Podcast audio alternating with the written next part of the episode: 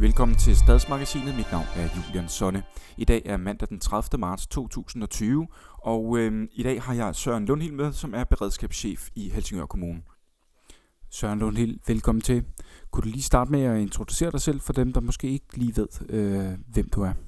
Jo, mit navn er Søren Lundhild. Jeg er beredskabschef i Helsingør Kommunes Beredskab, og det er jo et beredskab, der har været kommunalt siden 2016.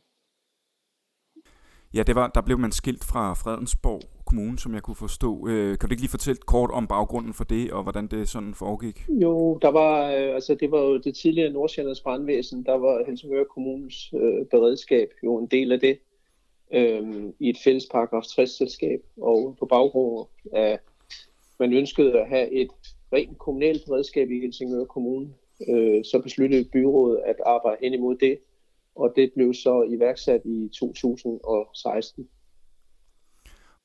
Kan du fortælle noget, noget om sådan bevæggrundene? Var der nogle sådan faglige bevæggrunde for at, at, at, at, at få sit eget? Altså det er mit indtryk, at øh, jeg blev jo så ansat til at løse opgaven med hensyn til at skille, hvad skal man sige, øh, være en del af at skulle skille beredskabet ad og få det til at være sammenhængende som et kommunalt beredskab. Og det, der var mit indtryk, det var, at man ønskede sit eget nære beredskab, altså et borgernære beredskab i Helsingør Kommune, i forhold til at, at være en del af et øh, paragraf 60-selskab, hvor man sådan set var, skulle betjene flere kommuner, og det vil sige, at serviceniveauet vi så måske være mere svingende øh, for Helsingør, end det ville være, hvis man havde sit eget beredskab i Helsingør Kommune, hvor man selv bestemte og havde sin egen beredskabskommission. Nu når vi står i det her corona, øh, den her coronakrise her, øh, har det så været en fordel eller en ulempe, at øh, man, er, man er selvstændig i Helsingør Beredskab?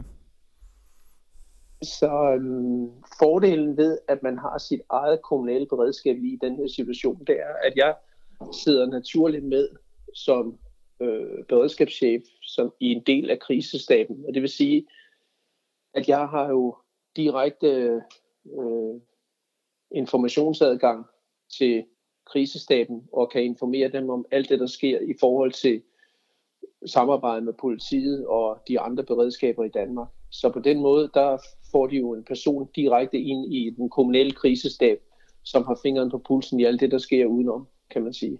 Ja. Det synes jeg jo personligt er en fordel. Ja. Øh, hvad er det så for nogle opgaver, Helsingør Beredskab øh, løser sådan til dagligdag, når det er lidt mere normale tilstand?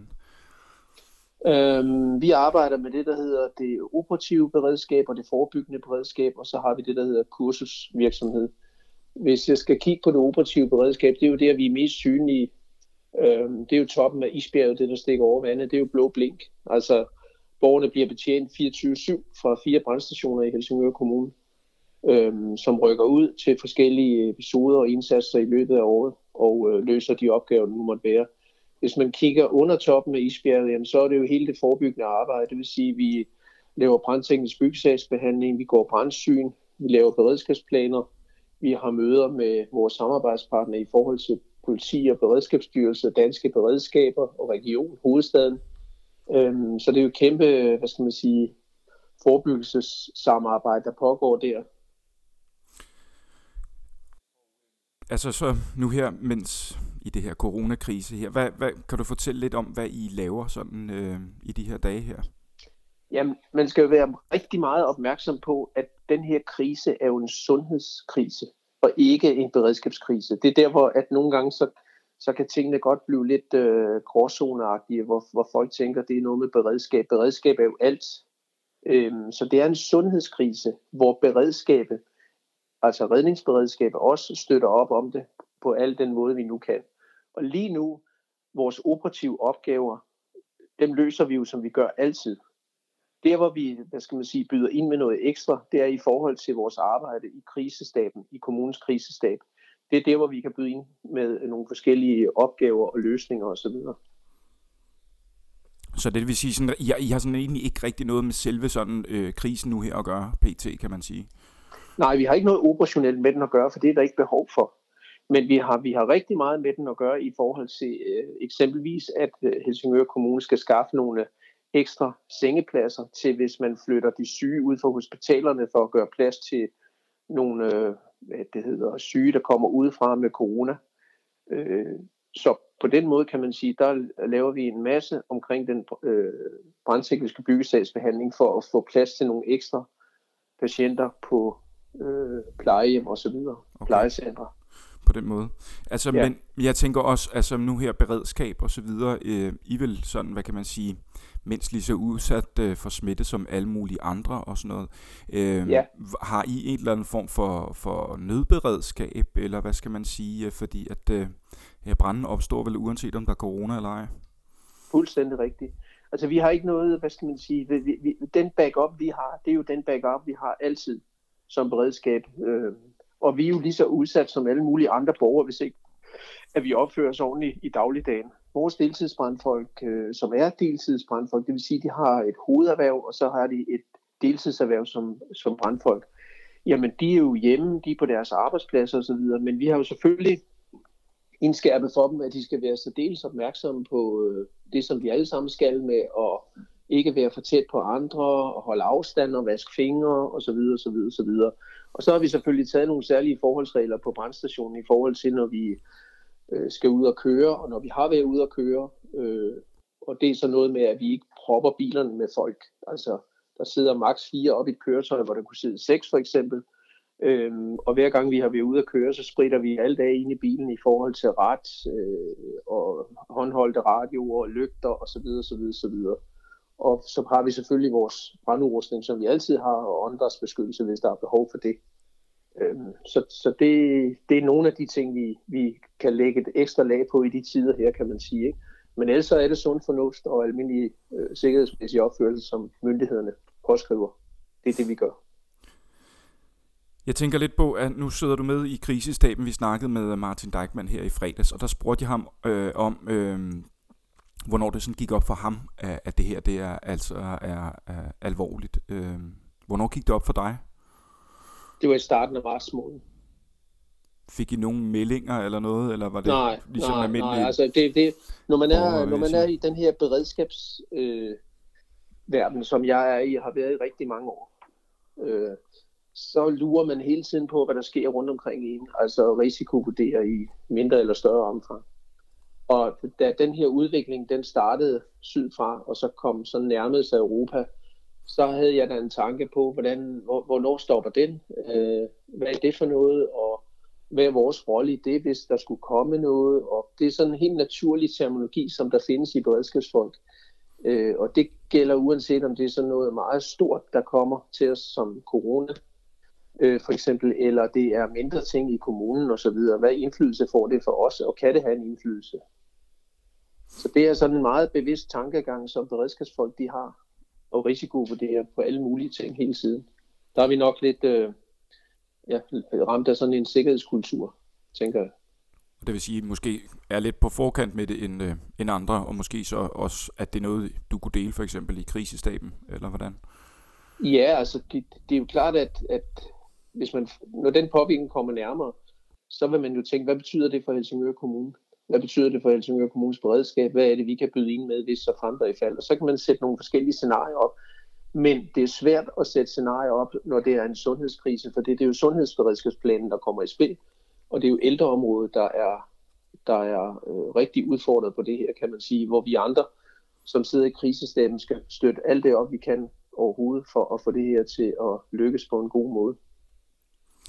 Jeg tænker sådan, jeg ved godt, det er måske lidt pessimistisk, eller hvad man skal sige, men arbejder med et, nogle former for worst case scenarios i, øh, i krisestaben, og, og, og, og hvordan forbereder jeg eventuelt på sådan noget i, øh, i beredskabet? Altså de ting, der typisk kommer op i krisestaben, det er jo noget, det, altså der kommer nogle meldinger oppefra, som man får ind i krisestaben, som man skal håndtere. Det er jo typisk på kommunernes landsforening for eksempel, og regeringen, som er så øh, den vej rundt. Og dem tager vi jo stilling til øh, i krisestaben ud fra de ting, der nu kan være udfordringer. Et eksempel kunne være, at vi for eksempel var meget bevidst om, at vi havde nogle mennesker, der øh, medarbejdere i Sverige, der skulle frem og tilbage. Øh, vi var også meget opmærksomme på, at værnemidler, der manglede vi noget sprit øh, og andre ting osv. Og, og, det, og det er jo nogle af de emner, som kommer til os, hvor vi sidder og drøfter, hvordan, hvad kan vi gøre ved det, hvordan kan vi løse den opgave osv øh, hvor vi forskellige byder ind med det. Men det vil sige, I arbejder ikke med noget sådan worst case scenario? Øh... Vi arbejder Ja, det kommer an på, så skal du definere worst case scenario, hvis du er... Ja, det altså, er hvis, det. Hvis, det, hvis, ja, hvis altså, der nu er rigtig, rigtig worst... mange, der bliver syge, og hvad kan man sige, dele af sundhedssystemet øh, ikke kan følge med mere, som han har hørt. Og sådan, så, altså, er der ingen, så, så er der ingen, der kan følge med, jo. Så, ja, okay. Så, så bliver vi også lagt ned i Helsingør, kan man sige. Jamen altså, hvis, øh, hvis øh, det hele bliver lagt ned oppefra ned efter, så vil vi jo også blive, altså, så vil alle jo blive lagt ned. Så, så det, er jo, det er jo sådan en, ja. Så I arbejder, I arbejder ud fra, at hvad kan man sige, at den her mere bløde kurve, at det er den, vi holder os på i Danmark, og, at, øh, og så kan I støtte op omkring og, og, og tage nogle patienter fra Nordsjællandens hospital og sådan fra Region Hovedstaden? Vi arbejder helt konkret på at være en del af at kunne afbøje det her, der sker massivt. Og det vil sige, at vi skal kunne modtage en masse hjemsendte patienter i Helsingør Kommune. Vi skal sørge for, at alle gør det, de nu skal gøre for ikke at blive smittet, øh, og større forsamlinger osv. osv. Det er vi en del af, og hvis vi gør det i fællesskab, så mener jeg, at vi er stærke sammen og kan løse den opgave her. Helt klart. Og hvis du tænker, hvis, hvis du tænker på worst case scenario, for lige at skrue lidt tilbage i forhold til beredskab, det er jo naturligt, at den har jeg jo tænkt som beredskab. Det er jo, at hvis en ja, brandstation ja. bliver, bliver syg og lægger sig ned med smitte i værste fald, jamen så har vi jo i Helsingør Kommune stadigvæk tre andre brandstationer til at dække ind. Og hvis to brandstationer forsvinder, så har vi to andre til at dække ind. Og sådan kan man jo blive ved med at sige, hvis alle fire brandstationer går ned på grund af smitte og sygdom, jamen hvad så? Så har vi vores nabostationer og så videre. Og vi kan også anmode Beredskabsstyrelsen om øh, hjælp, øh, hvis så frem der i fald det bliver så de planer er jo på plads oppe i, i mit hoved. Altså det er jo ikke sådan så, at man, man tænker, hvad nu, øh, vi sidder og afventer en, en katastrofe. Eller, så det, det, det har jo et eller andet øh, styringsmekanisme på, øh, beredskabsmæssigt. Men, men jeg har jo ikke, øh, jeg har jo ikke på det, den, den helt store, øh, skal man sige, den helt store plan for, hvad, hvad der sker øh, imod i moder Danmark, hvis det hele går ned. Fordi det kan vi jo ikke magte hos os.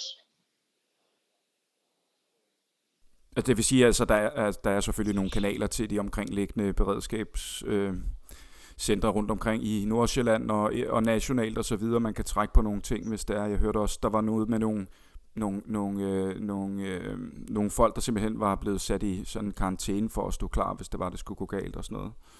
Ja, det er jo selve Beredskabsstyrelsen, som holder deres, øh, deres styrker på kasernerne, og, og forsvaret beholder også, øh, sådan så at man på den måde beskytter dem. Øh, så godt man nu kan, ikke? Jo. Nu kaldte du dig selv for en beredskabsmand eller beredskabsmenneske lige før. Hvordan synes ja. du sådan, øh, Helsingoranerne har håndteret det her, nu når man går ud i, i byen og kigger ned gennem Stengade for eksempel. Det er ret dødt jo, og, og folk går udenom hinanden og sådan. Hvordan synes du, at øh, borgerne her i Helsingør Kommune har håndteret det her?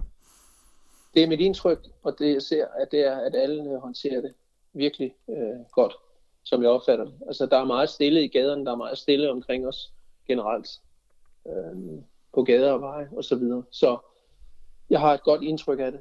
Øh, også når man går ud og handler, at der, bliver, der er meget respekt omkring det, kan man sige.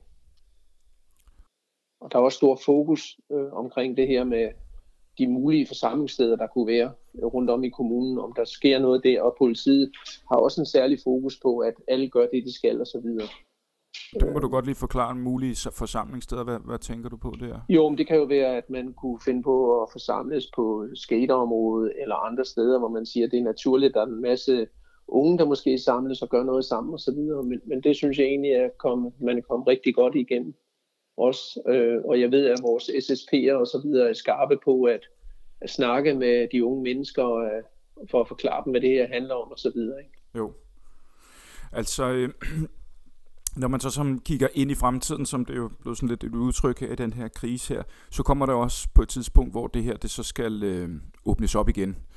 Og øh, der kunne man jo måske godt forestille sig, at øh, når folk sådan har været i gåseøjne spærret inde i, i, i mange uger måske, endda måneder måske, at det, det så vil opstå en, en eller anden form for meget spontan stor fest og, og så videre. Er det noget, I tænker over måske, at øh, der lige pludselig kunne få ekstra meget at lave, når, det her, når vi kommer om på den anden side? Altså, der er jo brug for en eller anden måde at åbne op igen. Øh, og det er ikke noget, altså det er jo noget, jeg personligt har tænkt over. Øh, der vil selvfølgelig blive noget, noget, øh, hvad skal man sige, ja, nogen vil måske feste, og nu skal vi gå til den, og så videre, ikke? Så, så det, det vil være, der, der er brug for en eller anden styringsform, hvordan vi lukker det her op igen. Øh, og det ved jeg ikke, og det er ikke noget, der er så modent endnu til at tale om, synes jeg, som umiddelbart. Altså, øh, jeg har det lidt som beredskabsmand, at øh, for, da vi havde 9-11, der var jo store konsekvenser ud af det. Og jeg tænker, at den her krise her, coronakrise, der vil være store konsekvenser ud af det, hvordan man opfører sig som menneske over for hinanden og i forsamlinger i, i, øh, i hele verden. Altså, det er, det, den, den, der vil ske nogle ting efterfølgende, tror jeg, om rigtig mange områder, som, som vil være anderledes. Det har jo vist sig ved alle former for kriser, at man lærer af det, og så gør man noget nyt, eller nogle ting på en anden måde.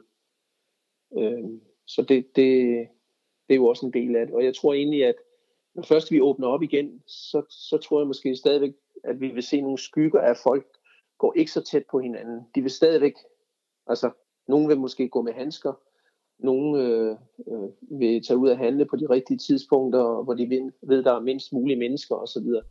Jeg tror, det kommer til at sidde dybt ind i os, og det er ikke så noget, man smider fra den ene dag til den anden. Nej, det er vel sådan lidt et samfundschok på en eller anden måde, det her, ikke? Også fordi det er jo, jo. Det er jo mere psykologisk, end det måske er, altså som jeg har hørt nogen også sige, at der er jo ikke, det er jo ikke fordi, at øh, der er alle mulige, altså karrierer, der står i brand og, og så videre, og Nej. ting fungerer jo og sådan noget, så det er vel sådan en psykologisk krise, mere end at det egentlig er en beredskabskrise, kan man vel godt sige. Det, det, det synes jeg jo, at det er. Øh, også det med, hvordan, altså, hvordan at mennesker er sammen nu, øh, og så bare løbe ud, og så sige, nu er, vi, nu er alt som det var før. Det tror jeg slet ikke på, det bliver. Og jeg tror heller ikke, det er sådan, folk de vil opføre sig. Det kan godt være, at der er nogle, øh, nogle grupper af befolkningen, der vil opføre sig sådan, men, men jeg tror, det vil blive tændet. Altså, folk er ikke en, der vil være en vis usikkerhed for at, at, at være sammen bagefter. Lad os bare øh, tage et eksempel som store musikkoncerter eller arrangementer, for eksempel. Øh, skal vi være sammen på samme måde i fremtiden, eller skal vi tage nogle andre hensyn og hvad med de tilladelser, vi laver, hvor rigtig mange mennesker er samlet til, til arrangementer i Helsingør omkring værftet og så videre? Bliver der nogle ændringer i, i den måde, man skal gøre det på og så videre? Så jeg, jeg tror ikke, at det bliver sådan noget med fra den ene dag til den anden, så siger vi, okay, så er vi bare sammen igen, som vi var. Og så, det, det tror jeg ikke på, umiddelbart. Altså nu, nu nævner du så øh, værftet og, og, og, og, og, og, og brandgodkendelse og sådan noget. Er det, er det noget, du har tænkt på, at der måske er nogle ting, I kunne gøre anderledes? Øh?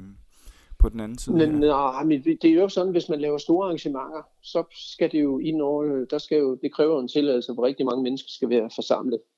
Øhm, og der er jo politiet ind over, regionen ind over, og redningsberedskabet ind over i forhold til, hvad deres opgavesæt og sektorområde osv. Og, og det kan jo godt være, at man i fremtiden kræver nogle andre foranstaltninger, end dem vi har i dag, i forhold til det her sundhed for den enkelte borger, når man er sammen mange. Ikke? Øhm, så i forhold til, at der kan være 5.000 på et område, så kan der måske kun være 2.500. Det her, jeg siger nu, det er bare sådan lige taget ud af luften, ikke? men jeg tror, jeg tror bare, man, man, man vil have nogle overvejelser bagefter for, hvordan kan vi forebygge det her øh, fremadrettet. Man vil, man vil tænke anderledes. Altså det er vel også det der, at det, altså vi kommer vel ikke tilbage til den verden, vi forlod, hvis man kan bruge sådan et udtryk. Det bliver vel en, altså det er vel en ny dag, der gryer, øh, når det her er overstået, og en anden verden, vi lever i på en eller anden måde. Det tror jeg. Altså jeg tror, der kommer et andet lag på, der hedder den her sundhedsfaglige øh, side af det, i forhold til øh, viruser og så videre. Ikke? En anden ting, jeg også hørt nogen, der snakkede lidt om, det var øh, sådan rent, øh, hvad kan man sige, organisationsmæssigt, at øh, der er mange organisationer nu, hvor at øh, bare Helsingør Kommune langt størstedelen af, af, af folk er sendt hjem, og nogle arbejder hjemmefra og så videre. Der opstår helt automatisk nye sådan arbejdsformer, arbejdskulturer og sådan noget. Er det noget, ja. I har oplevet også i Helsingør Beredskab, øh, at man kunne Jamen, gøre tingene vi, på andre måder, som I måske tager med? Jamen, vores, vores øh, faste medarbejdere er jo i princippet sendt hjem, kan man sige. Ikke? Vi, vi har jo så det, at når vi er beredskab, så, så skal vi har jo en vagthavende indsatsleder, som, øh, som har vagt øh, et døgn ad gangen, og han, der har vi en regel om, at øh, han kører ind, og så betjener han vores administration derinde og sidder derinde, fordi vi har jo stadigvæk noget, nogle pakker, der kommer til os, og noget, der skal ekspederes osv. Men ellers så sidder alle jo hjemme, og så benytter vi os af Skype-møder og, og telefonmøder osv. Og, og, og det er jo blevet en meget mere naturlig del af det at være sammen. Øhm, det samme gælder i forhold til vores øh, netværksmøder igennem danske beredskaber. Altså det, det tror jeg også på er noget, hvor man, hvor man har lært det her Skype bedre at kende, fordi man er måske mere tvunget ind i det. Ja. Øhm, så at man kan spare noget. Altså i min verden kan man jo spare noget køretid. Hvis jeg kører til, til Odense eller til Jylland, for den sags skyld til møder med, danske, med andre beredskabschefer i Danmark osv., jamen, jamen, så bruger jeg noget tid på at ligge på landvejen og køre. Ja. Jeg bruger noget brændstof. Øh, der er noget CO2-udslip osv i forhold til måske at så sige, så laver vi Skype-møder, og folk er vant til Skype-møder nu, eller, eller Microsoft Teams, øh, eller hvad man nu benytter af værktøj til at, at være sammen mødemæssigt. Så, ja. så jeg tror, at det vil, det vil ændre noget på det område også, helt klart. Og, men også hos os, altså som beredskab, kan vi, kan vi gøre noget andet. Ikke? Søren, øh, som jeg kan forstå det, så øh, op i øh, smørhullet, der ligger en gammel øh, kommunal øh, beredskabsbunker fra, øh, fra, øh, fra den kolde krig, simpelthen en kommandobunker, der har været lidt øh, på Facebook og ude omkring det. Øh, kan du ja. fortælle lidt om det beredskab, man havde øh, dengang, kan man sige, før 2003, da det blev nedlagt, og, og, og så i dag? Jamen, det var jo øh, kommandocentralen, som man kaldte det. Det, var, det er jo en bunker på små 100 kvadratmeter, som også er blevet udvidet på et tidspunkt med omkring en til 120 kvadratmeter. Og, øh, og det var så her, man, man var sammen om at styre de ulykker, som skete. Og det var jo typisk øh, civilbefolkningen, der blev bombet, og så søgte de i beskyttelsesrum. Og så var beredskabets øh, opgave jo at, at tage ud og så prøve at redde det, man nu kunne, og slå så videre. Øhm, og det blev styret ned fra den bunker, som var bombesikker. Øhm, og det er den, der ligger i smørhullet stadigvæk. Øhm, Altså som jeg kunne forstå det, så havde man simpelthen noget, der hed et ABC-beredskab øh, kommunalt, ja. altså atomar, biologisk og kemisk, som jeg kan forstå. Præcis. Og ja. der havde man simpelthen så været, så havde kommunen øh, værnemidler liggende rundt omkring parat øh, ja. og sådan nogle ting. Ja, vi havde lager liggende, så man kunne lukke kasser op, og så kunne man tage det nødvendige udstyr frem. Og på daværende tidspunkt, der havde man jo også det, der hed kommunale værnepligtige fra Civilforsvaret, som man uddannede specielt til brand- og redningsopgaver, men også til ABC-tjeneste. Og ABC-tjenesten kunne være, at man sendte nogle øh, måleenheder ud i et område, om der målte ind øh, med nogle dosimeter og så videre, og så fik man det ned i kommandocentralen, som så kunne meddele det videre op til, til øh, Civilforsvarsstyrelsen og så videre, som det hed på daværende tidspunkt. Ja. Og altså, bare lige for at forstå her, altså hvis man nu havde haft det her beredskab øh, stadigvæk i samme, hvad kan man sige, med værnemidler liggende rundt omkring, havde det så ja. stillet kommunen bedre i virkeligheden, end man er i, lige nu, hvor man måske mangler nogle, Nej. nogle ting? Nej, det er, jo, det er jo løbet fra. Altså, det er jo en helt anden terminologi, vi har i dag. Det er nogle helt andre måder, vi gør tingene på i dag. Så man kan sige, selve, hvis man skal kigge på noget, hvad man kunne bruge, så kan man sige, kigge lidt på systematikken i det måske, og sige, jamen okay, man havde en central enhed, der kunne gøre noget i forhold til noget andet osv. Men det er jo her, vi har lidt krisestaben i dag, så man kan sige, den kommandopunkter, man havde dengang, der har vi jo i dag, det hedder en krisestab, hvor der sidder de ressourcepersoner, som er nødvendige for at tage stilling til nogle ting, for at passe på borgerne i Helsingør Kommune. Så, så på den måde, så har vi stadigvæk øh, et styringssystem, kan man sige, men, men der kommer ikke nogen bomber op fra mere, så man behøver ikke at sidde nede i en, i en kælder øh, mere. Man kan, man kan sidde alle mulige steder i princippet, og IT-teknologien i dag er jo, øh, det er jo den, der, der er værktøjet for os. Så det vil slet ikke hænge sammen med de ting, vi havde dengang. Altså, det var meget mere basic dengang, end det er i dag. Der er det øh, IT-teknologisk. Ja, meget længere frem. Altså fordi det jeg tænker også på i noget af, af det her, det er måske, at der er nogen, der har haft lidt en, en følelse af, at uh, vi ikke har været helt godt nok forberedt, og at det der med at have, have, have måske have, at kommunen har et lille lager af nogle værnemidler liggende et sted og sådan noget, at det er måske en meget hvad kan man sige, gode så en fin forsikring som samfund og som bysamfund i virkeligheden at have, og, og, og, og det var måske noget af det, man kunne have taget med fra det gamle af. Ja, det, det, jeg synes ikke rigtigt, det er en kommunal opgave. Altså, det er jo sådan, at man har, øh, der er jo noget, der hedder det nationale risikobillede, som bliver udgivet af Beredskabsstyrelsen, og den sidste, der ligger, det er fra 2017. Og, og hvad fortæller det? Det fortæller en hel masse om, hvad er det, der kan ramme vores verden, altså hvad er det, der kan ramme vores område. Og der taler, øh, øh, taler man for eksempel om orkaner og storme, oversvømmelser fra havet, meget regn, regn, altså ekstrem regn, øh, højvirulente sygdomme, det er jo sådan noget, vi har lige nu, præcis corona, husdyrsygdomme, øh, vand- og fødevareborne sygdomme, nukleare ulykker, ulykker med kemiske stoffer, maritime ulykker, altså skibsulykker osv., transportulykker, kemitransporter, altså lastbiler osv., cyberhændelser i forhold til vores netsystemer, terrorhændelser, og så også det, man kalder for rumvær. Og, og det er sådan nogle identificerede øh, modstandere. Man kan sige, det, det, det er nogle muligheder, der er derude, men, men risici, ja, og de risici, dem skal man jo så ind og sige, hvad er det så for, hvor hårdt rammer de hver for sig? Altså, øh, har det, rammer det rigtig hårdt i forhold til genoprettelse af samfundet? Eller har det, hvor, hvor stor er hyppigheden? Øh, hvor øh, geografisk udbredelse har det? Og så videre.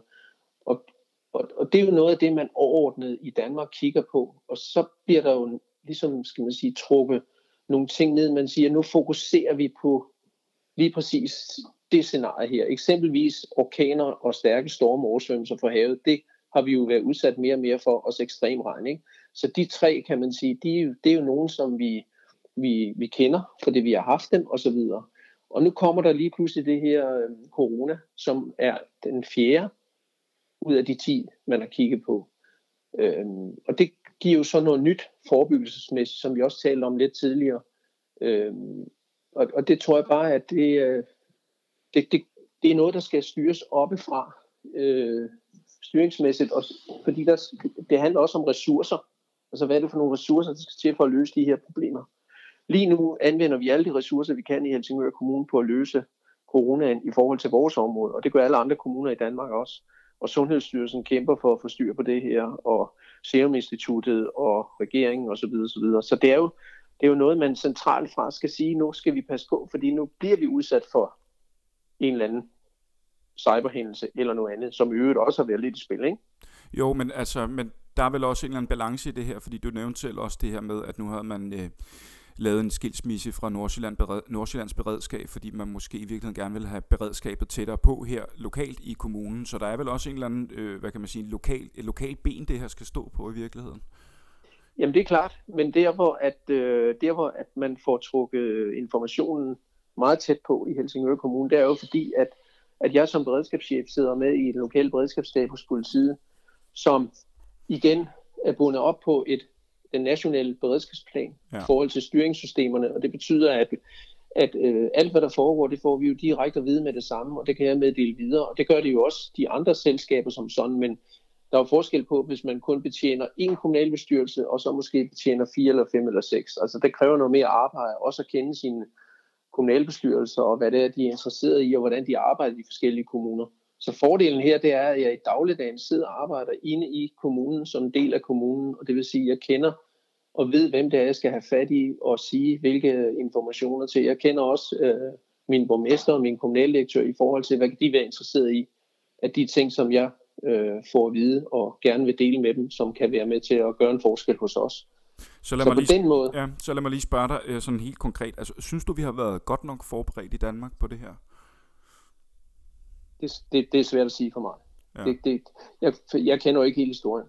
Altså, jeg, jeg vil sige det sådan, at... Øh, men når, du kigger, når man kigger på nyhederne, og der mangler hjem, øh, øh værnemidler, og vi løber tør for håndsprit, vi har ikke tests nok, og, og sådan nogle ting her.